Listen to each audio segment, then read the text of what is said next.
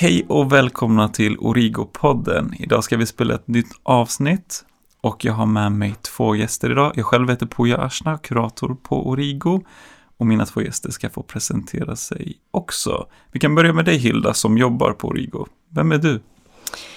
Ja, hej! God morgon!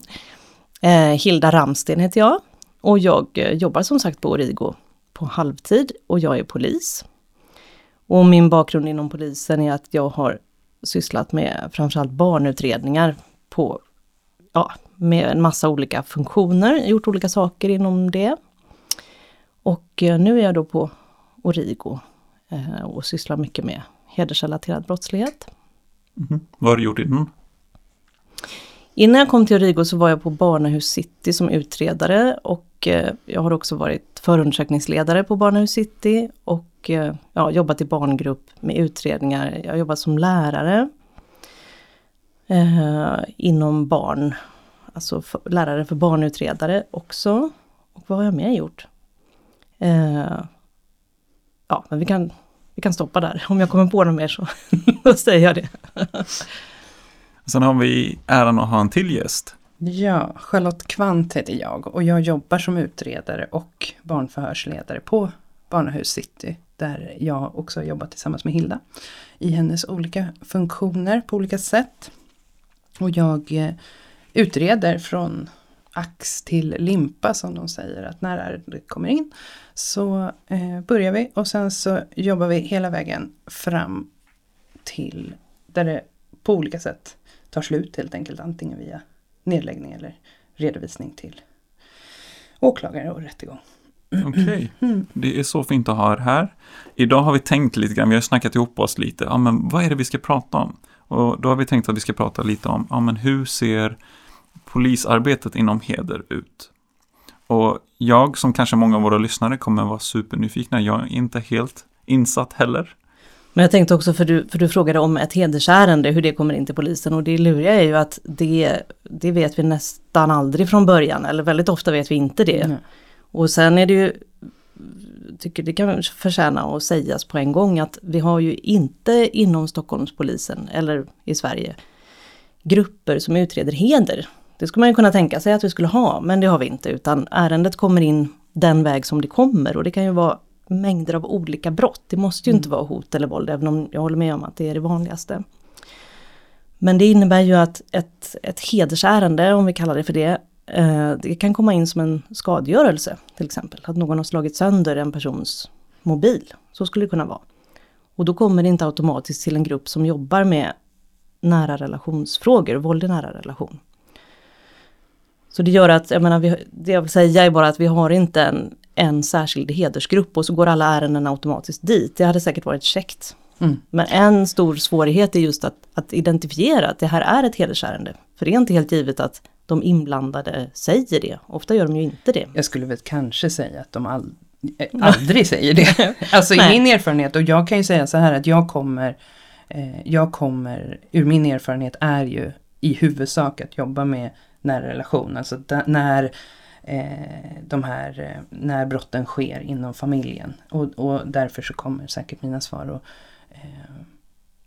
utgå därifrån helt enkelt. Det är den erfarenheten jag har. Mm. Um, men eh, så snarare handlar det om för oss som utreder olika typer av brott i nära relation så handlar det väldigt, väldigt ofta när ärendet kommer in att lära oss vad behöver vi titta efter för att förstå att det är ett hedersbrott. Om det är mm. den termen vi använder, att det här är ett hedersbrott och vi måste koppla på en massa ytterligare eh, tankar kring hur vi ska hantera eh, dels, dels hur vi ska utreda det men också hur vi ska samverka med andra aktörer runt omkring barnet.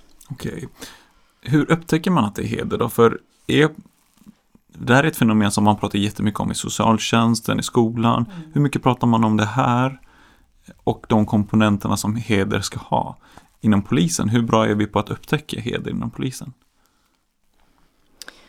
Svårt att ge ett generellt svar men det är ju ja, det handlar ju så mycket om kunskap mm. liksom. Så att det är ju rätt mycket upp till respektive, alltså utredare eller utredargrupp. Att det finns någon i gruppen som ser att men du det här kan nog, här kan det nog finnas hedersnormer liksom.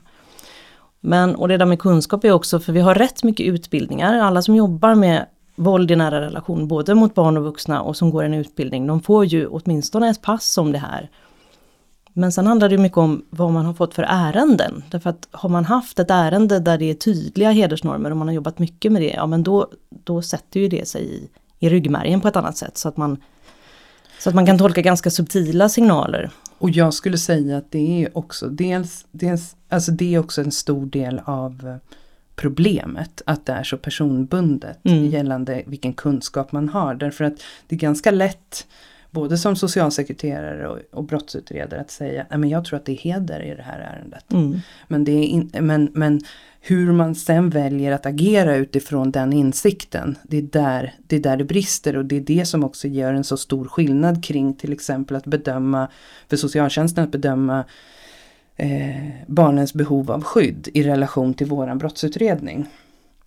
Eh, och det, och, och det, det, har jag erfarenhet av när det inte har blivit så bra mm. utifrån att glappet blir så stort. Just Har du något exempel på det så att våra lyssnare kan ja, sätta sig var, in i den här situationen? Ja, det var ett ärende med en, eh, och det ska också sägas att det här ärendet som jag, som jag tänkte att jag skulle prata, prata lite om som ett exempel, det, det är, grundar sig på eh, det grundar sig på, på rikt, riktiga ärenden eller vad man ska säga, saker som har hänt. Men jag har gjort om det så pass och blandat ihop det så att det går inte att att eh, härleda till ett ärende som var på riktigt. Men det var en, en 17-årig flicka som eh, eh, under flera år berättat för socialtjänsten om, om ehm, eh, kontroll hemifrån, inte specifikt om våld men en oerhörd kontrollsituation. Eh, och under de här åren så väljer man först att anmäla när, när eh, det uppkommer en våldssituation på skolan. Vilket gör att man anmäler från skolans sida så att säga. Och det kommer också till, till barnahus där jag jobbar.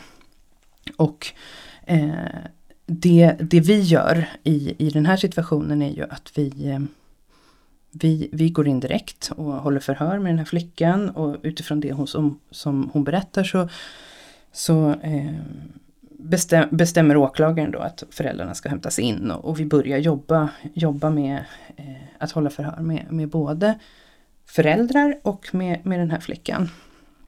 Eh, flickan väljer ganska direkt att inte medverka. Hon vill inte vara med. Hon blir jätterädd och det, hon blir orolig för sina föräldrar. Och, och, hon, hon vill ju inte att de ska råka illa ut samtidigt. Så hon väljer, hon, hon är väldigt, väldigt tydlig med att eh, hon inte vill vara med. Eh, så att det man gör är att man lägger ner ärendet eh, och Ehm, trots att eh, hon, hon har uttryckt att hon inte vill medverka så har, har man ändå eh, utsett ett juridiskt ombud till henne. Eh, som, som är en advokat och som, som eh, där åklagaren väldigt tydligt i, an, i, har skrivit att det här behöver vara en kvinna och det behöver vara en kvinna som har kunskap i eh, arbete med hedersnormativa ärenden. Det gör att eh, hon, eh, hon gör ju klart för den här flickan att Eh, kom tillbaka när du pallar, när du vågar. Ehm, mm. Och, och det gör också den här flickan eh, efter två månader. Hon kommer tillbaka eh, och, och, säger att nej men nu, nu måste vi, nu är det ännu värre, vi behöver, vi behö jag behöver hjälp. Ehm, det som händer då är att hon fortsätter ju att vackla. Men har nu en relation till den här advokaten som är så himla bra och, och fungerar för oss som en, som en eh, länk mellan eh, oss som brottsutredare och den här flickan. Och liksom hela tiden slussar henne genom den här rättsprocessen. Det är ganska intressant Men, ifall jag får avbryta dig ja, där. Ja. Eh, du pratar att den här kvinnan blir en länk för att hon har hederskunskapen. Vilka delar är det hon har som gör att hon får det förtroendet? Som jag vi i polisen kanske skulle kunna bli bättre på. Jag tror att hon från dag ett tar flickan på allvar. Att trots att flickan eh, eh, vacklar, vill och vill inte, eh, påtalar att hon längtar efter sin familj och vill tillbaka. Ja, men, men sen när det brinner till så vill hon ju ändå ha hjälp. Att hon har en stor förståelse för att det är så. Och att det är också en del i den, alltså i, i processen att genomgå en sån här rättsprocess. Um, men men det som händer är i alla fall att eftersom flickan eh, vacklar så mycket, polisen har en jättestor oro för den här tjejen och eh, socialtjänsten har inte en så stor oro för den här tjejen av den anledningen att hon vacklar. Ja men hon mm. vill ju träffa sin familj så därför så verkar hon ju inte ha så himla stora problem. Är i princip den, eh, den, eh, den slutsatsen man gör. Jag känner igen det här jättemycket med, i vårt arbete mm. på RIGO också. Eh, vi kuratorer och barnmorskan får ju träffa ganska många ungdomar som är i det läget att jag vet inte vad jag ska göra. Ska jag bryta upp med mina föräldrar och allt vad det innebär att aldrig få träffa mina föräldrar igen eventuellt, bryta upp med mina hela mitt sociala sammanhang och förstå den ambivalensen att vi jobbar extremt länge med den innan eh, unga flickor och pojkar också är redo att göra ett uppbrott. Mm. Att göra ett uppbrott med våldet och all, allt som det har att göra med. Det, det, I just det här ärendet så blir det ju en ganska lång process av att jag som utredare behövde övertyga hela tiden socialtjänsten förklara flickans behov av stöd och hjälp. Men, men stöter hela tiden på, på motstånd. Eh, det, en, det som händer som faktiskt gör en stor skillnad är att hon fyller 18. Och flyttas över från barngrupp till vuxengrupp på socialtjänsten. Och, även, och eftersom det här är i nära relation, alltså mellan en dotter och en familj.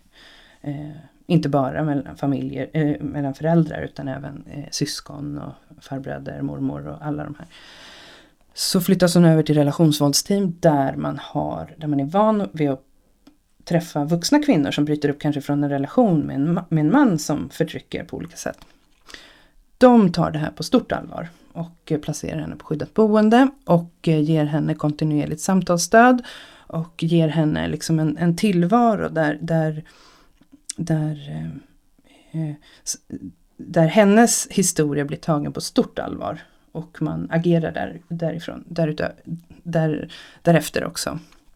Och och det gör, tillsammans med den här advokaten, alltså ett, ett, tydligt stöd för henne, så vågar hon också genomföra rättsprocessen. Mm. Och vågar också eh, vittna mot dem som hon älskar också allra mest. Just det, hon har några former av trygga baser som hon ja. kan luta på nu ja. och inte känner sig ensam i den processen. Och den, det, om, om, man säger så här att den, jag skulle säga att det var eh, avgörande eh, med ett, ett stöd som man såg en väldigt tydlig skillnad från det att, de, att, att hon var i, i att hon var ett barn eh, och inte eh, liksom slussades mellan olika, olika situationer på samma sätt. Och att hon blev vuxen och därmed fick den här, det här kontinuerliga stödet. Då vacklade hon inte. Mm, hon liksom hon var hela tiden, trots att det var väldigt svårt naturligtvis, så, så, var, så behöll hon hela tiden åtminstone liksom en, en målbild av att eh, orka. Just det. Mm. Det som du beskriver nu, det, det handlar också rätt mycket om tid, eller hur? Att det, det kräver tid. Du pratar om att hon, hon hinner fylla år och eh, hon vacklar, hon går fram och tillbaka. Mm. För det, det tycker jag är så här, ja men en nyckel som vi sällan har inom polisen, mm. att det blir så himla bråttom, att det är liksom här och nu, du måste bestämma det här och nu. Jag hade ett samtal igår på våran jourtelefon med en utredare som ringde. Och då skulle hon, då satt hon liksom i bilen och ska till förhör, hon har två stycken släktingar sitter anhållna och så ska hon hålla förhör med en målsägare som är en ungdom. Och så pratar vi om det och då är det naturligtvis, som det väldigt ofta är, så är det så här att ja, då behöver den här målsägaren, eller den här ungdomen som är utsatt då, då behöver den personen berätta. Därför annars så släpps de här släktingarna ut. Så det blir som en antingen eller situation. Och utredaren är såklart ja, men ganska stressad för att hon har ju på sig att jag måste liksom, det här förhöret måste liksom lyckas och det är en nästan omöjlig uppgift. Och, det, och så hör det till saken att den här ungdomen som var utsatt hade med sig ett syskon som sällskap till förhöret.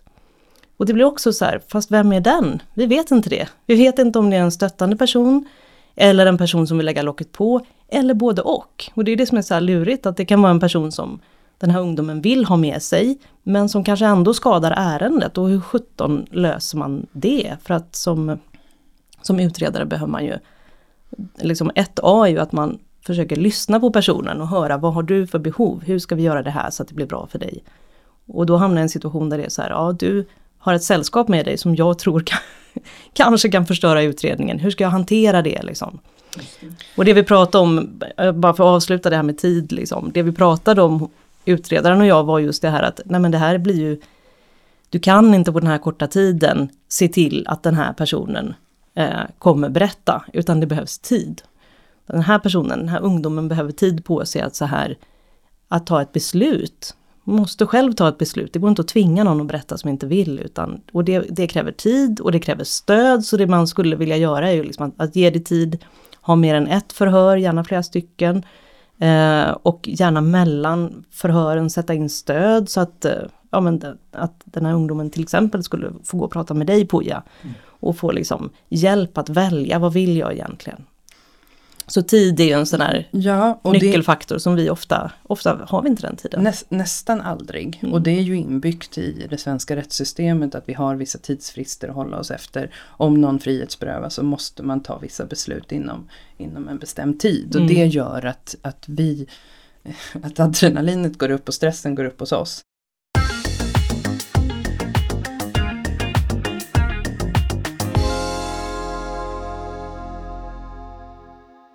Däremot så tänker jag eh, utifrån, eh, utifrån en medvetenhet om att eh, det handlar om att forcera en, en trygghetsprocess.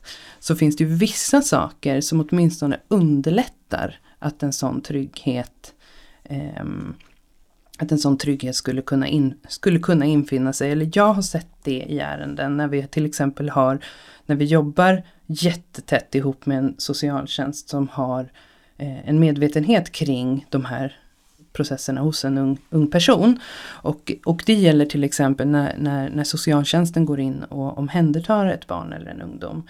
Eh, så har ju de olika lagrum att förhålla sig till. De kan omhänderta med med samtycke eh, från, eh, från familjen och då kallas det för en solplacering och man kan också gå in med eh, ett beslut om LVU och där, det är en mer tvingande åtgärd där socialtjänsten också tar över ansvaret för ungdomen eller för barnet.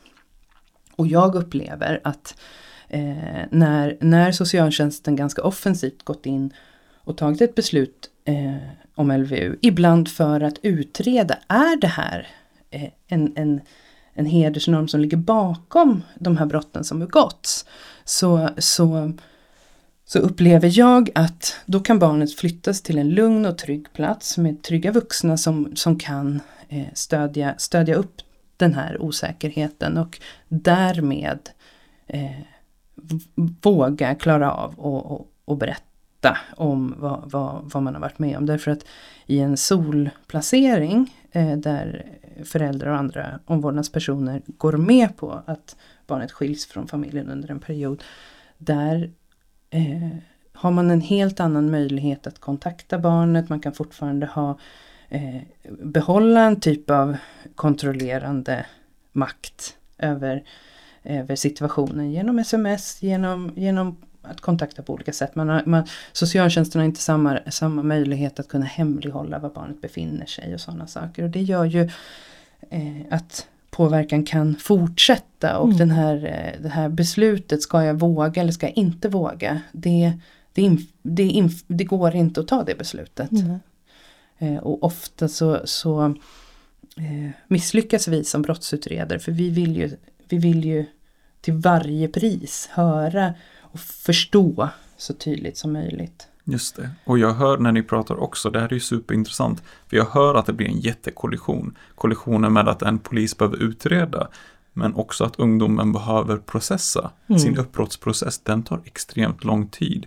Men jag hör också att ni pratar om framgångsfaktorer. Mm. Framgångsfaktorer i ha personer som är trygga baser som redan från första början har lyssnat på min sanning och tagit det som min sanning. Men också det du pratar om Charlotte med LVU, att jag tänker att det tar bort lite av ansvaret som man har lagt på barnet att ta ett beslut, ska jag berätta det här eller inte? Då har man från socialtjänsten redan markerat att vi har bestämt att du inte ska vara hos din familj för att du ska få tid att processa och sen berätta. Har man en solplacering så finns det fortfarande ett utrymme för barnet att vackla och ambivalensen är extremt stark där. Så jag tänker just de två framgångsfaktorerna är superviktiga. trygga personer som lyssnar på min sanning från första början. Men också en LVU-placering som ger mig som ungdom, eller tar bort ansvaret på mig som ungdom och ger mig lite mer tid i uppbrottsprocessen. Mm. Jag tror att, jag tror att det, det, är liksom, det är nästan så nyckelfaktorer det du pratar om där. Eh, en annan är just det här som vi började med lite försiktigt, just att öka kunskapen. Ett annat ärende jag hade, just för att som brottsutredare så söker jag hela tiden efter bevis.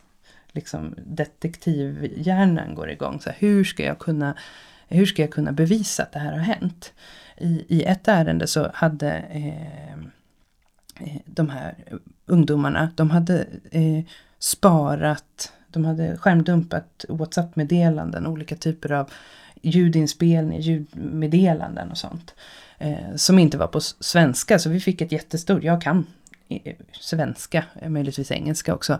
Jag fick ett jättestort material som jag inte hade någon aning om, vad är det här? Eh, där hade vi en jättestor hjälp av en extremt kunnig tolk, eh, en översättare, som översatte inte bara ja, översatte dels precis bara vad som sades och vad som stod, men också översätter kontexten, också översätter eh, den underliggande meningen. Jag kan ju som jordens svennebanan bara ge exemplet som jag ställdes emot som ny utredare när, när, någon säger, när någon säger, och det är nästan det värsta, hon kallar mig hund. Det var liksom min första, mitt första möte. Hon kallar mig hund. Ja, jaha, säger jag då, för att jag hajade ju inte det. Däremot var jag smart nog att fråga, men vad betyder det? Eller vad, vad menade hon då? Eller, no, jag kommer inte ihåg vad jag ställde för fråga, men just att det var väldigt tungt vägande i rätten sen. Eh, att tänka kring meningen bakom det exakta ordet som i sig inte hade varit mm. brottsligt. Förstå djupet i kontexten också. Korrekt, verkligen. Jag tänker på en annan sak som ni nämnde i början, eller du nämnde när du pratade om det ärendet, Charlotte, är att den här tjejen som ni hade levde med väldigt stark kontroll. Men det kom inte till polisens kännedom förrän, det var ett fysiskt våld. Mm. Kontroll, begränsningar. Hur mycket jobbar polisen med den delen? Ja, då är vi inne på så här att det ska, man ska göra bedömningen, är det ett brott eller inte? Och det vi, vi jobbar ju bara med det som är brottsligt, det som ligger utanför. Eh, ja men till exempel så här, att kalla någon för hund. Är det brottsligt enligt svensk lag? Nej, men inte, inte sådär bara av sig självt. Kanske om man kan förklara kontexten, vad det innebär, men, men det kan vara ganska svårt att föra i bevis. Så vi jobbar ju med, och då det som är olagligt är att hota någon, att slå någon, eh, kränkningar. Det, det kan vara brottsligt, men det är inte, så här, det är inte jättelätt att att bevisa att det är brottsligt, ja, jag, kanske, jag stoppar mig själv där för det finns så många brott att prata om. Men när du frågar om det så, så tänker jag att det är också så här att polisutredningen den är ju väldigt snäv om man jämför med socialtjänstens utredning. För socialtjänsten som det ärendet du pratar om nu, det går ju från, det kanske har varit år innan det blir en polisanmälan. Så har man haft en oro för flickan och man har jobbat med skyddet, man jobbar med familjen. Men polisutredningen gäller ju bara det lilla av, av hela helheten som är brottsligt. Och det vet vi ju att det kanske inte, det är inte säkert att det rör sig om särskilt mycket fysiskt våld. Så i rättsväsendets ögon så kan det vara ganska, eh, så är det inte någon eh, allvarlig brottslighet. Men i personens ögon, den personen som lever i kontexten, som inte har någon frihet, inget utrymme överhuvudtaget, så är det ju en jättegrej. Men så, vi, så vårt arbete är ganska snävt. Vi jobbar liksom från att det finns en brottsmisstanke, att det har hänt någonting som är brottsligt, då utreder vi det.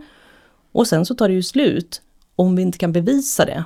Jag tänkte på, för du pratade om bevis Charlotte. Mm. Och det, jag vill jättegärna nämna det att en polisutredning måste läggas ner om, det, om man inte kan bevisa brott.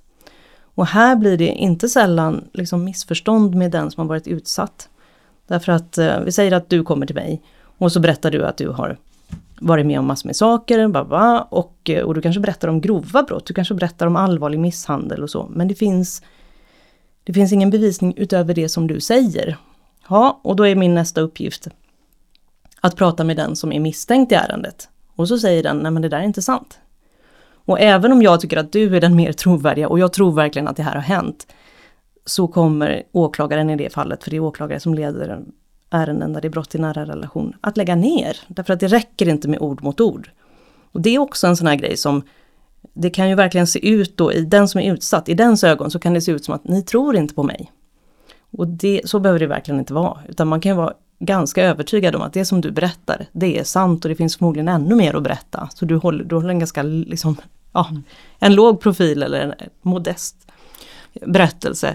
Men kan vi inte bevisa det, då slutar vårt arbete. Mm. Så det handlar inte om att vi letar efter, egentligen efter vad som är sant. Utan vi letar efter vad vi kan bevisa och det är en ganska stor skillnad. Ja, och då tänker jag, jag blir genast så här, vad skulle kunna vara bevis då? Mm. Eh, ja, men bevis är exempelvis det som jag tog, drog som ett exempel, att det kan vara sms man har fått eller chattar man har fått eller någonting sånt, att man ser till att man spar det. Händer det på Snapchat så ser man till att göra en skärmdump och spar på något sätt. Eh, och det kan ju vara att skicka det någonstans eh, och låta det ligga på en mail eller vad som helst. Eh, det kan ju också vara vad kan, vad, jag tänker så, här, så att man förstår, ja, skador, att man har fotat eller visat eller, eller, eller ja. Precis, att man till exempel om man har blivit slagen och får ett blåmärke, att man tar foton på det. Eller för den delen helst då går till en läkare och eh, får ett läkarutlåtande. Det beror ju på var man är i processen men är det inom om en person om vi har en polisutredning och det kommer en person med en skada som, som fortfarande syns, då, då genomför vi en läkarundersökning. Eller inte vi såklart, utan det gör ju våra rättsläkare då. Men skador, eh, sms och sådana där, ja alla meddelanden som går att spara. Eh, vad kan det mer vara? Men värt att nämna där tänker jag med att gå till doktorn eller gå till läkarvården. Det är ju också att när en, när en person är under 18 och kommer till barnahus i alla fall så eh, har ju vi en helt annan möjlighet att ta, ta, kontakt med sjukvården och se hur ser den här personens vårdkontakter ut tidigare. Och då kan det ju vara så här, då snappar ju vår, våra, eh, våran sjukvårdspersonal är ju jätteduktiga på att så här, Ja fast Eh, för sju år sedan så gick den här personen till eh, sjukvården och berättade, eh, hade, jag vet inte, brutit armen till exempel och sa att det berodde på att hon hade ramlat från en eh, lekställning eller en, ett träd. Så. Eh, ihop den uppgiften, även om man då har gått till läkaren och sagt att nej, jag ramlade ner från ett träd och bröt armen. Så, så kan ju det ha betydelse för våran utredning utifrån att ihop med andra eh, ihop till exempel med hur, hur målsägaren då, eh, ungdomen själv berättar om, ja men för sju år sedan så, så blev jag nedkastad från en trappa och, och bröt armen. Mm. Och då har vi ju ändå dokumentationen om eh, frakturen. Mm. Och det kan ju vara, det behöver inte vara det. Men, men, men att jag tänker apropå att det är en process att orka, att orka vara med. Så kanske man inte är det just nu. Men det är ju ett jätteviktigt bevis framöver. Mm. Och en annan, förlåt men jag måste bara säga, för en mm. annan jätteviktig del av stödbevisningen det är ju också vad du har berättat. Även om du inte har polisanmält tidigare, har du till exempel gått till en kurator och berättat saker innan du vill polisanmäla, ja då kan, det, då kan man använda ett, ett förhör med kuratorn som stödbevisning som stärker upp att det som du säger det stämmer förmodligen. Därför att det har du sagt till en kurator redan för, för ett år sedan och du har beskrivit det noga. och Kuratorn kommer ihåg hur du beskrev det. Så att det finns olika former av, av stödbevisning som, man, eh, ja, som vi använder. Mm. Superviktigt. Och jag ställer egentligen frågan om kontroll och begränsningar för att jag, eller jag och mina ungdomar, eller våra ungdomar upplever också någon form av kollision här där samhället värderar olika typer av våld olika. Där det fysiska våldet är värderat väldigt högt. Och med det menar jag att man tar det på väldigt stort allvar. Eh, Medan för våra ungdomar, det är väldigt många som uttrycker att det fysiska våldet, ja, det gör ont och det är jobbigt. Men det, det psykologiska våldet, det sociala våldet som hela tiden finns där, det är det svåraste jag har i livet. Och den kollisionen blir extremt Eh, extremt svår för ungdomarna och jag tror att också det är det som gör att ungdomar inte vågar berätta om sin situation. För att det som jag är med om, med väldigt starka hedersnormer, begränsningar begränsning av kontroll, det kommer inte tas på allvar av myndigheter. Det är inte tillräckligt, så därför väljer jag att inte ens gå fram med det. Jag tänker att där hamnar vi ju ännu mer i exakt samma hjulspår som vi har haft i det här, i det här samtalet tidigare. Att det handlar dels om kunskap att förstå vad, de, vad den här kontrollen betyder och innebär för, för enskilda ungdomar. Men också att, eh, att där, in, där, där behöver vi vara extra bra på samverkan också. Därför att det är, det är precis som Hilda säger, att hur, hur frustrerade än vi blir så, så, så har, har vi ofta inte möjlighet ens att beröra kontrolldelen från polisens sida. Därför att det är inte ett brott utifrån den lagstiftningen vi har att hantera. Som vi kan stödja oss på. Mm. Och Som ett exempel, olaga frihetsberövande är ett brott om man stänger in någon, låser in den och, och, ja, men, och fråntar den dens frihet. Har vi till exempel ett, eh, ett, en ungdom som har varit instängd på sitt rum och berättar om det och det var i, i en veckas tid. Då kommer följdfrågorna på det att bli så här, var dörren låst? Nej, den var inte låst. Mm, Okej, okay. då, förmodligen inte, då kommer man inte se det som ett brott. Även om personen som sitter i det där rummet vet att jag kan inte gå ut. Det, så, ja, men det är ett exempel på mm. att, att det ofta är så här, eh, ja men den som är utsatt vet mycket mer om hur, eh, om hur tvånget ser ut och att tvånget är inte alltid uttalat i ord. Mm. Jag hade förresten ett ärende och det var ett hedersärende. Då var det en, en ganska ung tjej som kom till polisutredningen handlade om olaga hot. Och det, hon kände sig hotad, hon hade blivit hotad av sin pappa och mamma tror jag. Därför att hon hade, jag vet inte vad det var hon hade gjort, men hon hade gjort något som de inte tyckte om i alla fall. Och så sa hon till mig att, men jag, jag, jag svävar i livsfara nu. Och vi satt i förhör och jag var så okej okay, men berätta om det. Nej men, nej, men det, de, de kommer döda mig om de hittar mig. Mm. Hur kommer det sig att du vet att de kommer göra det? Nej men det är bara så. Okej, okay. och, och hur vet du att det bara är så? Nej men jag vet det. Och, och jag minns den här situationen för att jag, jag kunde verkligen så här förstå och känna med henne att hon menar allvar, det här är sant. Men det var väldigt svårt för henne att sätta ord på vad, vad är det som gör att du vet att du kommer bli dödad? Och, och, och så sa hon liksom att jo men det har, det har hänt i min släkt någon gång för länge sedan så var det en tjej som blev dödad. Okej, okay. berätta om det, hur, hur fick du veta det? Jag vet inte, för hon minns inte ens. För det är liksom en berättelse som bara finns och som, inte, som man inte pratar om vid middagsbordet, men den finns där. Så den där typen av hot som, eh, ja de, de är väldigt svåra att utreda. För, för jag tänker att det är internaliserat på ett sätt, alltså att det finns i, det finns i kroppen, att, det, att det här, så här är det. Och för mig då som en representant för den svenska rätt, rättsprocessen i min kropp och i mitt dagliga jobb och i min liksom tankevärld utifrån, alltså baserat på vad jag har för lag att förhålla mig till, så är det inte internaliserat på samma sätt, tänker jag. Och jag tänker att vi, det här är ju absolut någonting vi möter i våra stödsamtal på Origo hela tiden. Det latenta våldet, att man vet om vad som kommer hända, man har en känsla i kroppen. För att jag har varit med om olika situationer som jag inte kan sätta fingret på. Men det är en känsla som jag har och jag tänker att jag kan inte hjälpa när vi pratar om det här att jag känner att de här ungdomarna som har en känsla av att jag är utsatt för så mycket känner sig förminskade när de möter samhället eller att våldet förminskas. Att den, den känslan blir oerhört stor och därför Charlotte så tänker jag på det du säger, det här med individer och personal eller yrkesprofessionella som tar emot min sanning och förstår vilken kontext jag har varit i och hur allvarligt mitt brott, att ha den basen med sig blir avgörande för annars kommer jag som ungdom aldrig söka stöd. Ifall jag känner att okej, okay, jag berättar om kontroll och begränsningar. Jag var inlåst men dörren var inte låst men jag vet att jag inte kan komma ut. Och det är inte ett brott. Om inte jag har en person bredvid mig som förstår hur jobbigt det där var för mig, hur ska jag då orka fortsätta i den här processen? Att anmäla mina föräldrar, att eh, berätta för socialtjänsten hur illa det har varit för mig. Jag tänker att det är en väldigt stor längd att ta sig dit.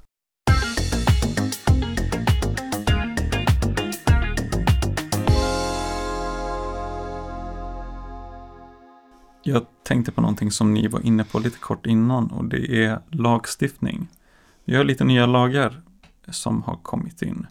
Eh, hur har det påverkat polisarbetet?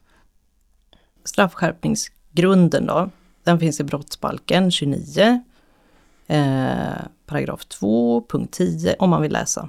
Och det som står där då som är nytt är att Om ett motiv för brottet har varit att bevara eller återupprätta en persons eller familjs, släkts eller annan liknande grupps heder. Och det innebär då liksom att vilket, i stort sett vilket brott som helst i brottsbalken, om det har begåtts av det här skälet, då är det särskilt straffvärt. Så då behöver vi utreda inte bara det här brottet som begås, att det är ett olaga hot till exempel som vi ska styrka. Vi ska också utreda varför hotade du? Och det är en ganska lurig arbetsuppgift att utreda motivet. Och det, man, ja, det finns mycket att säga om det men, men det som är nyttigt i alla fall att det blir särskilt straffvärt om syftet med att hota eller att slå eller att låsa in någon eller vad det nu är för brott har varit att bevara eller återupprätta heder. Då kan domstolen döma till ett, till ett lite längre straff utifrån det. Mm. Jag eh, nu hoppar jag lite grann, men jag satt förut och tänkte på det här med att eh, brott i nära relation, för det vi pratar om nu är ju så här långt i alla fall, ja men brott i nära relation och att det finns så mycket beröringspunkter med andra brott i nära relation. Det är ju inte så att heder är något väsensskilt, något helt annat, en väldigt speciell sorts brott, utan det, det ligger ju i samma skål. Och det här med att man till exempel att det som gör mest ont eller det som, det som är viktigast i min upplevelse inte är våldet. Jag känner jätteväl igen det. Ifrån mängder av andra ärenden där barn har varit utsatta, eller ungdomar, varit utsatta för våld. Men när man frågar om så här, ja, men berätta om värsta gången, då kommer det inte liksom det hårdaste slaget, utan då kommer det något som föräldern har sagt eller något man har varit med om som handlar om att man har blivit, ja men eh, man blir kallad för fula saker eller eller blivit skrämd eller blivit eh, hånad eller kränkt. Och, och ofta sådana saker som, mm, det kommer vi aldrig ta med till domstolen. Det att din mamma kallade dig för gris. Det kommer inte med, men däremot kommer det med att hon, att hon gav dig en örfil. Och i din värld är kanske inte det det värsta. Men ja, det, det var i alla fall en reflektion att det här är ju inte väsensskilt. Det finns ju samma upplevelse när det gäller våld i nära relationer. Jag tror att det är ganska vanligt att att upplevelsen är att det är inte, alltså blåmärken de bleknar.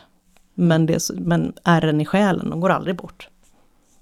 Och det blir ju ganska ofta i mötet med barnet eller med ungdomen så blir det en utmaning. Att styra samtalet. Ibland helt i motsatt riktning än vad man faktiskt vill prata om. Eh, det där vill jag jättegärna höra om, men blir ju ofta situationen. Vi, måste, vi ska prata om det här först. Ja, och jag kan också säga, jag kan verkligen förstå att man, att eh, man som utsatt kan uppleva rättssystemet som lätt autistiskt. Att det är så här, du vill, du vill bara höra om det och det slaget eller det och det blåmärket, men det är inte, det är inte min verklighet, det är Nej. inte det värsta i min verklighet. Och det är ju... Vi ska, ja, vi ska prata min... bara om den gången du blev slagen. Ja. Men om de hundra gångerna du inte fick gå ut eller inte fick träffa din kompis eller... Eller, eller ingen pratade med dig på, på flera veckor Nej. i din det ska, det ska vi inte prata om idag. Mm ja, ni gör ett oerhört stort och svårt jobb tänker jag. Men jag tänker, vi pratar om ungdomars upplevelse eller personers upplevelse som har varit utsatta för våld av olika slag. Och att de här polisutredningarna blir väldigt svåra. Varför är det då viktigt att göra polisanmälningar? Jag satt i morse när jag vaknade jättetidigt och tänkte just på den frågan. Eh, varför det är viktigt. Och det är ju just på grund av att vi har det så svårt som utredare att hitta de här sakerna. Så genom att vi får jobba med det och genom att vi ibland också lyckas och genom att det stöts och blöts i rättegången så, så, så ändrar man långsamt, långsamt på dels synen på vilka lagar vi behöver Eh, som behöver stiftas för att vi ska kunna jobba med det här. Men, man, men, men innan vi har de lagarna så ändrar man också på, kan man ändra på praxis eller sättet som rättssystemet ser på, på brotten kan man väl säga. Och hur man också då kan välja och döma eller vilka, vad man tar hänsyn till. Det går också att ändra på. Och det, det formas, rättssystemet formas av det, det, det den får jobba med så att säga. Så, så om man säger på en samhällsnivå, det är jag nog duktigare på. Eh, eller liksom det, det, det, det, märker jag att jag har lättare att tänka kring så, så, så kan skillnaden ligga just där i att dels att man kan påverka hur rättssystemet kan jobba med, jobba med det här. Men också ge ett gott exempel. Alltså när, när vi väl får fatt i och får möjlighet att prata med, med ungdomar som, som har varit utsatta på det här sättet så kan vi kan vi få en, en, en vi kan få ett, ett, ett eh, vi kan också lära oss eh, hur vi, hur vi, även om vi inte lyckas med just den här ungdomen, så lär vi oss och kan forma vårt arbete framöver. Kring vad vi ska fråga om, mm. vad vi inte ska fråga om, vad som är helt irrelevant att veta. Eh, och så. Men, men det luriga är ju att, för jag tänker precis som du, att, att hitta skäl på samhällsnivå. Mm, det är det, lätt. Ja, ja, ja. Och ett, ett jätteviktigt skäl till att jag tycker att man ska polisanmäla det är ju att, att jag vill ju se ett, ett samhälle och ett rättssystem som är lika för alla. Att ingen ska bli utsatt för våld. Det är olagligt att bli slagen, det är olagligt att bli inlåst och det är olagligt att, att hota någon och så vidare. Så jag vill ju se att, att alla individer oavsett var de befinner sig i samhället använder sig av polisen och använder sig av rättssystemet och känner att, liksom, att det finns till för dem. Men det luriga här är just att, ja, så på samhällsnivå, lätt att förklara varför man ska polisanmäla. På individnivå kan det vara lite svårare, mm. därför att det blir ju ganska ofta så att konsekvenserna för individen, ja, dels kan det bli som vi har pratat om, att, att ärendet läggs ner. Så jag tar mod till mig och går emot allt jag någonsin har lärt mig och går emot min familj och polisanmäler och sen går det inte att bevisa brottet. Och då står jag där. Liksom. men det, det finns ju också, ja det kanske det blir ja. dessutom. Men, men det finns ju verkligen exempel på utredningar där man kommer i mål och där det blir en fällande dom.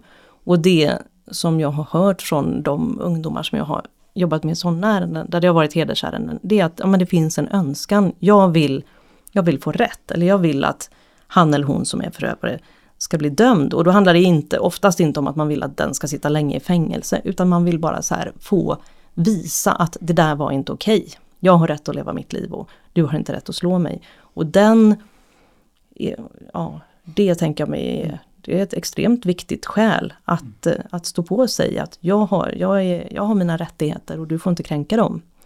Och därför ska man polisanmäla. Absolut, och jag tänker att många av de här ungdomarna lever i en, form, en värld där våldet är så pass normaliserat att man ibland ifrågasätter sig själv. Överdriver jag eller?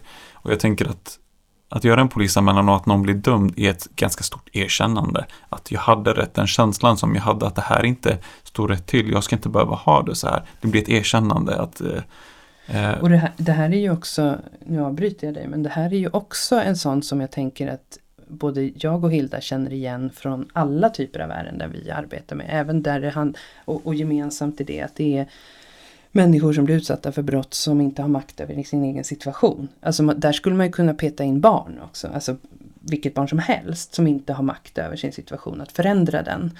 Eh, och att då få en känsla av att eh, både bli trodd på men också få pappret på att eh, det jag sa var rätt och det du gjorde var fel. Det är, det är ju en extremt stor anledning tänker jag. Och sen eh, eftersom vi har pratat om att polisanmälningar ibland läggs ner och då blir det ingenting, blir ingen rättegång så här. Så vill jag bara säga också att det är ju inte, det är inte nödvändigtvis förgäves ändå. Därför att det kan vara en situation där till exempel relativt vanligt att en ungdom bestämmer sig för att polisanmäla men sen mitt i processen känner att nej, jag, nej, jag vill inte medverka. Och så läggs polisutredningen ner på grund av det men kommer tillbaka sen, ett år senare eller tre år senare. Och då finns den här anmälan där. Så att det, även om en utredning läggs ner så betyder det ju inte att det, att det var helt förgäves. Det kan finnas massor med nytta av det. det den nyttan att polis och socialtjänst ser att det finns historik här. Mm. Det här är inget nytt. Det kan också hjälpa processen när man väl väljer att ta eh, steget. Eller, eller om man så småningom kommer det här att det finns bevis. Så det, det, spelar roll ändå att det finns polisutredningar även om de har lagts ner. Absolut. Jag tänkte på det här ett exemplet som jag, som jag gav, som jag pratade om. Det, det, det var ju precis så. Att man vågade inte. Ja. Det lades ner och så väntade man en ganska lång period. Um, jag minns inte riktigt hur lång tid men där var det ju så att när man väl vågade då togs ju det här gamla upp. Så, och mm. gick i mål. Och jag tänker att även ifall det inte tas upp så är det en ganska stark markering mot de som har utövat våld mot mig. Ja. Och lever man i ett symboliskt trångt rum med kontroll och begränsningar. Att det har funnits en polisanmälan mot pappa, pappa, pappa och mamma och de har blivit medvetna om det kommer ibland göra så att utrymmet blir större för mig att ha lite frihet. Eh, och det märker jag bland väldigt många av de yngre barnen vi möter. Att när det finns en process med socialtjänsten eller polisen så backar ofta föräldrar från de begränsningar och eh, det våld som man är för man vågar inte längre på samma sätt. Så bara det gör att det blir en symbolisk gest som skapar mer frihet åt mig. Så jag tänker absolut att det kan vara värt att göra polisanmälan. Och jätteviktigt det som du lyfter mm. nu för att jag tror också att det är så här på grund av okunskap och eh, Ja, så det är inte ovanligt att polis och socialtjänst på något sätt hamnar i att det finns ett likhetstecken mellan heder och mord. Mm. Att om det är heder då kommer någon bli dödad eller riskerar att bli dödad och det är ju inte alls verkligheten. Det är inte så att alla familjer är likadana och att det alltid utan precis som du säger, att det, det, är klart att det finns massor med tillfällen när polisanmälan faktiskt gör, även om den inte går i mål, att den gör, det blir en markering som, som leder till en förändring, som blir en god förändring. Eller för den delen att man söker hjälp hos socialtjänsten. Jag tänker att Hilda, du, du säger någonting som är superviktigt och vi har varit inne på det innan. Och det är den, den stereotypa bilden av vem som är utsatt för heder och vem som utövar hedersvåld. Att jag vill komma tillbaka till ni, er som lyssnar, socialtjänst, polis eller vem det nu kan vara.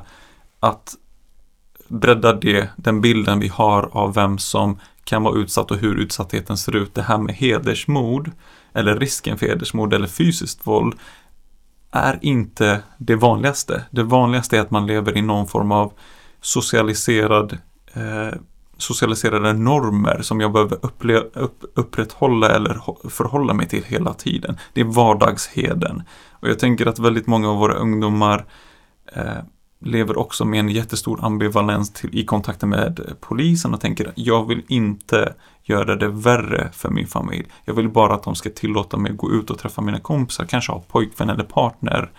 Eh, det vill jag. Jag vill inte att min pappa eller mamma ska bli straffad eller hamna i fängelse. Så vi yrkesverksamma måste vara jättevaksamma eh, och förstå den här ambivalensen som ungdomarna sitter på. Jag vill inte bryta upp med min familj. Jag vill att de ska sluta slå mig. Eller jag vill att de ska sluta begränsa mig.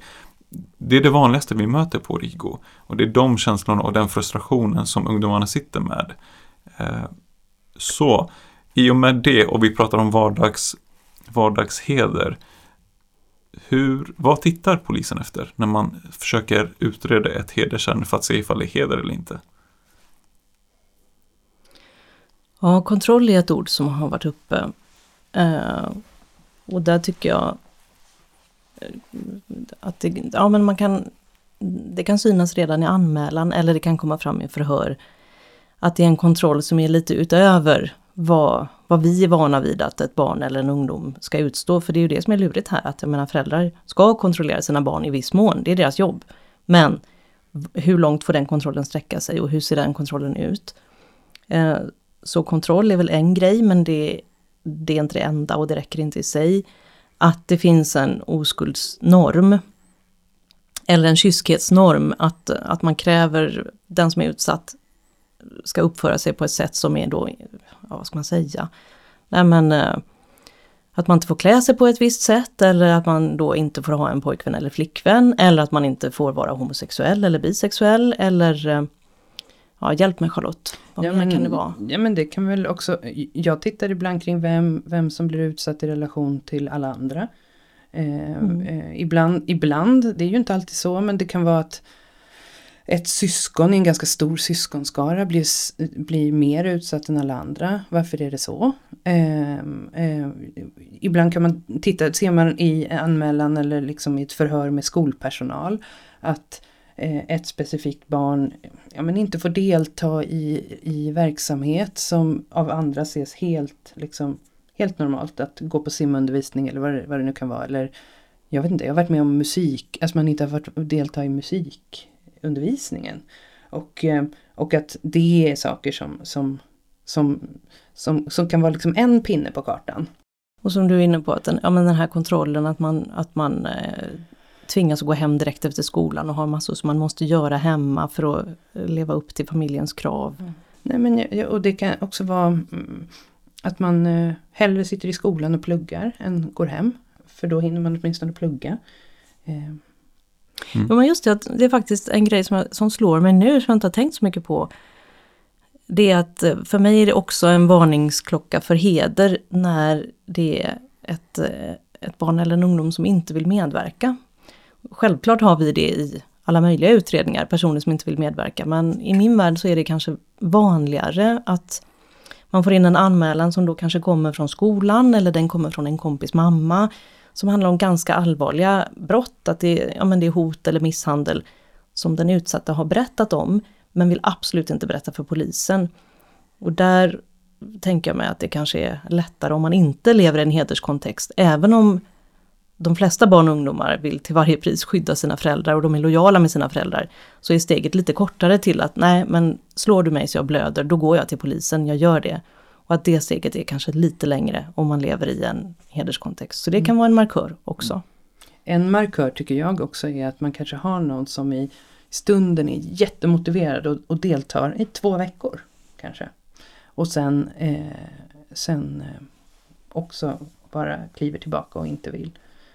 Eh, när liksom också då, tänker jag, eller, och, att längtan blir stor till exempel. Att man mm. längtar efter de man älskar därför att helt plötsligt står man själv. Mm. Och man kanske förstår vilka konsekvenser den här utredningen kommer ha för min familj eller mina föräldrar. Mm. Jag tänker att vi på Rigo när vi är ute och utbildar också så försöker vi säga att det här våldet ser ut på så många olika sätt.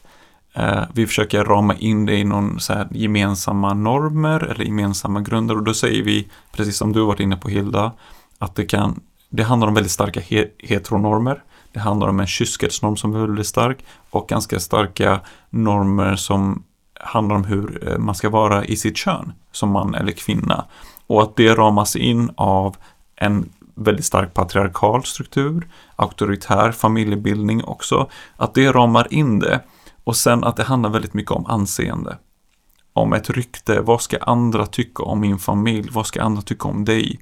Eh, hur påverkar det andras syn av oss som enhet eller som kollektiv? Så det handlar om den kollektiva aspekten också. Hur ser andra på vår familj utifrån de här normerna?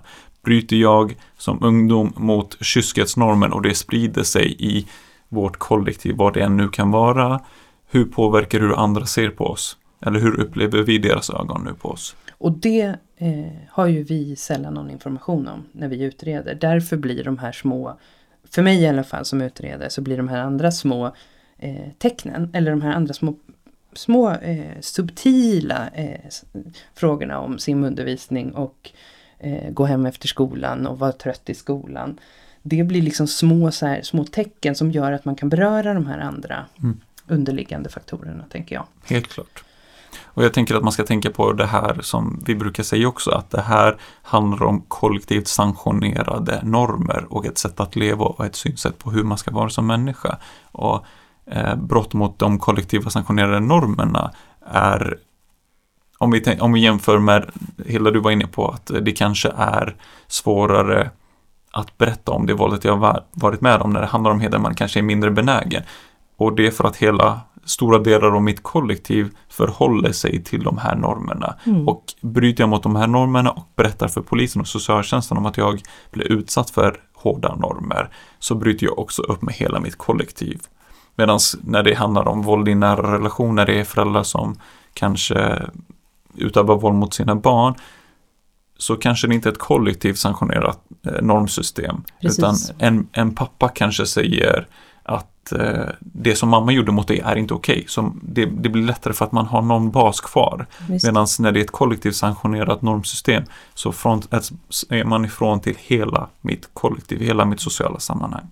Och sen eh, tycker jag det är inte sällan som när jag eh, ser ett ärende och tänker det här är förmodligen heder, det måste vi utreda. Inte sällan handlar det om vilken händelse var det som utlöste att det så småningom kom till polisen. För relativt ofta är det ju så och även i våld i nära relation i allmänhet, att, att det pågår och det pågår och man står ut och sen händer det någonting som gör att man rymmer hemifrån eller man... Och den händelsen eh, kan vara, den kan vara ganska tydlig och, och kretsa kring en kyskhetsnorm, till exempel en, eh, en flicka som bryter upp och går till socialtjänsten för att, och det som har hänt är att hennes bror har upptäckt att hon pratar i telefon med sin pojkvän.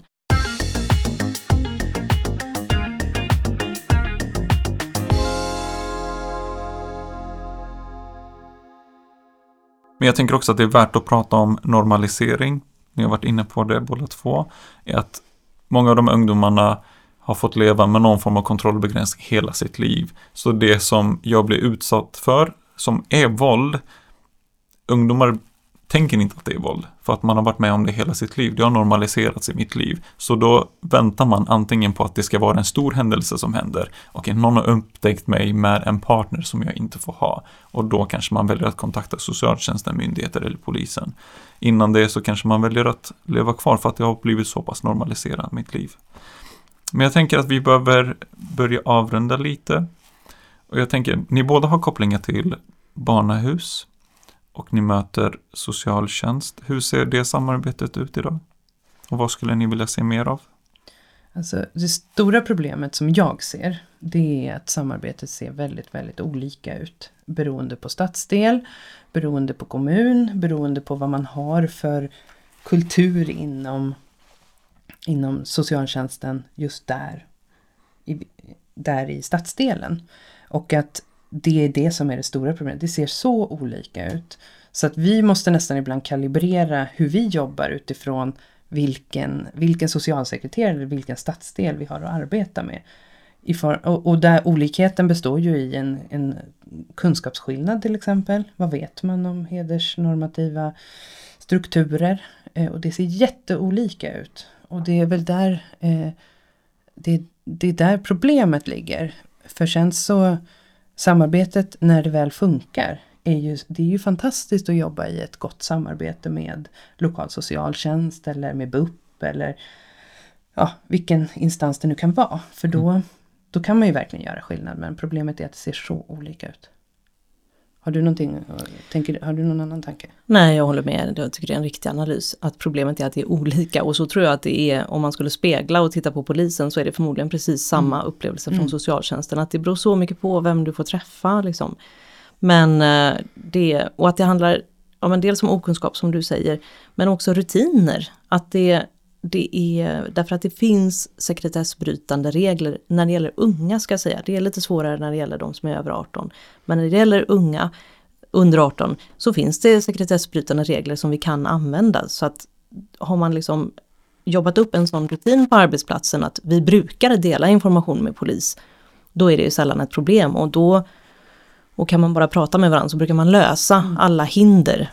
Och då är det som du säger, det är ju fantastiskt att ha ett sådant samarbete. Inte minst för oss som ganska ofta behöver avsluta ärendet med att nej, det blir nedlagt, det händer inget mer. Och så har man en jätteoro för ett barn eller en ung person. Då är det ju fantastiskt att veta att det finns en socialtjänst som, jag, som, som kan det här och som gör sitt jobb och som tar över så att barnet inte, eller den unga inte blir lämnad. Just det. Vi har säkert en massa poliser som lyssnar nu också. Vad vill vi skicka med till dem? Alltså jag, tänk, jag tänker, nu är det Origo-podden vi pratar mm. i. Jag tänker att utnyttja Origo som kunskapsbank. Eh, jag vet att jag har gjort det i ärenden eh, där jag liksom säger okej, okay, nu ringer heder, nu ringer klockan liksom, det här kan vara heder. Men vad är det som gör att klockan ringer? Det har varit ett jättebra bollande då. Att prata med någon som kan det här och kan ställa rätt frågor till mig. Som gör att jag också kan ställa rätt frågor och vet vad jag ska titta efter. Så att använd kunskapsresursen som faktiskt finns. Mm. Inte så himla långt borta. Just det. Och Hilda, du jobbar ju hos oss. Hur kan yrkesverksamma som har frågor kring polisen använda dig? Ring till vår jourtelefon för yrkesverksamma och eh, då får man ju i första hand prata med någon som är anställd på som är kurator eller som är barnmorska. Men jag finns där i bakgrunden även om jag inte svarar i den telefonen. Det går jättebra att ringa och säga att jag vill prata med polisen för att jag, det här gäller själva utredningen. Hur ska jag agera i utredningen? Så det är väl, och jag tycker det är jättebra att du, att du tar upp det Charlotte. Vi har pratat mycket om okunskap. Mm. Och det är lätt att känna, det vet jag själv som utredare. Så här, ah, det här är så svårt, jag kan inte tillräckligt mycket om detta. Liksom. Man behöver inte kunna allt, man behöver egentligen bara få, eh, få upp ett spår och tänka att kanske heder, ja och sen så ringer man en vän. Mm. Och så får man hjälp och lotsa sig vidare och då kommer man kunna mycket mer nästa gång. Så att man ska inte tänka att nej men jag är för dålig, jag kan inte detta utan man, gå vidare till alla och det finns ju utöver Origo så finns det också ett kompetensnätverk inom polisen. För Origos målgrupp är ju ungdomar 13 till 26 år. Men inom polisen har vi också ett nationellt nätverk av ett kompetensnätverk där det sitter personer som är duktiga på heder. Eh, I varenda polisområde i Sverige ska det finnas och då kan man ringa till sin kontaktperson. Det kan man hitta information på Intrapolis om man vill leta efter det. Vi har också ett metodstöd som är väldigt bra. Eh, och det rekommenderar jag också att man läser, gärna i förväg om man har en stund över. Det har man ofta inte. Men vi har ett bra metodstöd som jag tycker är hjälpsamt eh, att läsa och bläddra i för att ta sig vidare. Vart hittar man det någonstans? Det hittar man på Intrapolis som är vårt intranät då, där vi har alla. Eh, det är vårt bibliotek digitalt. Jag kom på en liksom enskild specifik grej som jag har gjort ett par gånger och det har blivit jättebra. Ofta när det gäller unga i alla fall och det är liksom en komplex, komplex bakgrund så har man samråd. Och samråd är ju liksom att olika professioner egentligen träffas innan vi börja jobba för att liksom kunna samordna, dela information med varandra apropå de här sekretessbrytande reglerna. Att vi kan faktiskt göra det då. Och då kommer då även eh, barn och ungdomspsykiatrin in och sjukvården, alla ses och liksom pratar. Där har jag vid ett par tillfällen när, när, när, när eh, heder har kommit på tal så har Origo till exempel då kunnat vara med vid samrådet och kunna liksom eh, ta vid och liksom kitta, kitta emellan. Eh, för att kunna liksom styra hur ska vi jobba med det här. Så. Mm. Och det har varit en jätte, i de ärendena så har det varit en framgångsfaktor att liksom redan från början sätta ord på det vi jobbar med. Så Just det. Superbra har det varit. Hilda, ungdomar som lyssnar nu idag och har frågor om hur polisen jobbar i deras ärende eller eventuellt hur de skulle jobba i deras ärende. Hur kan de använda dig?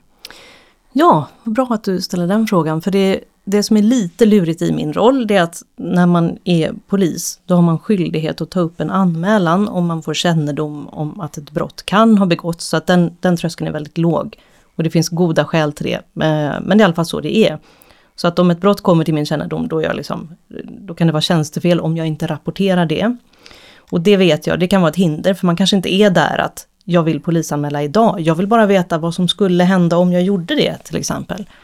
Men jag, jag kan ta samtal i alla fall och då får vi bara hålla det anonymt. Att man ställer frågor eh, och helt enkelt inte berättar vem man är. Eller för den delen ställer hypotetiska frågor om det var på det här sättet.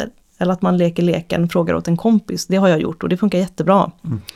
Eh, så att jag kan verkligen svara på frågor och, och, om hur polisutredningen går till och vad händer och hur ska jag tänka sådär. Så det går jättebra att ringa och be att få Eller prata med mig. Hur ska min kompis tänka? Och hur ska min kompis mm. tänka? Där har jag varit också och, och lekt den leken. Mm. Det funkar jättebra. Ja, den tänker jag att vi kuratorer också får leka ganska ofta. Mm. Okej, till er som har lyssnat idag. Nu har vi pratat om vissa delar i polisarbetet och jag tänker att det finns så mycket mer att prata om. Så när ni har lyssnat på det här avsnittet och tänker det här vill jag höra mer om så får ni gärna skicka ett mail till oss, Hör av er till oss på Origo på origo.stockholm.se eller ringa vår telefon och berätta men det här vill jag eh, veta mer om. Så kanske vi kan sitta vi tre igen och ha till samtal om, om hur det går till och hur polisen arbetar. Men jag måste säga, det har varit så kul att sitta med er idag. Tack så mycket för att ni orkade det. Tack Hilda, tack Charlotte. Tack. Tack så mycket, det var jättekul. Ja, verkligen. Tack för oss. Lyssna gärna på nästa avsnitt också. Origo är ett resurscentrum mot hedersrelaterat förtryck och våld. Vi tar emot ungdomar mellan 13 och 26 år, men hjälper också yrkesverksamma som möter den här målgruppen. Så ni kan kontakta oss via hemsidan, på telefon eller e-mail och vår hemsida är origostockholm.se.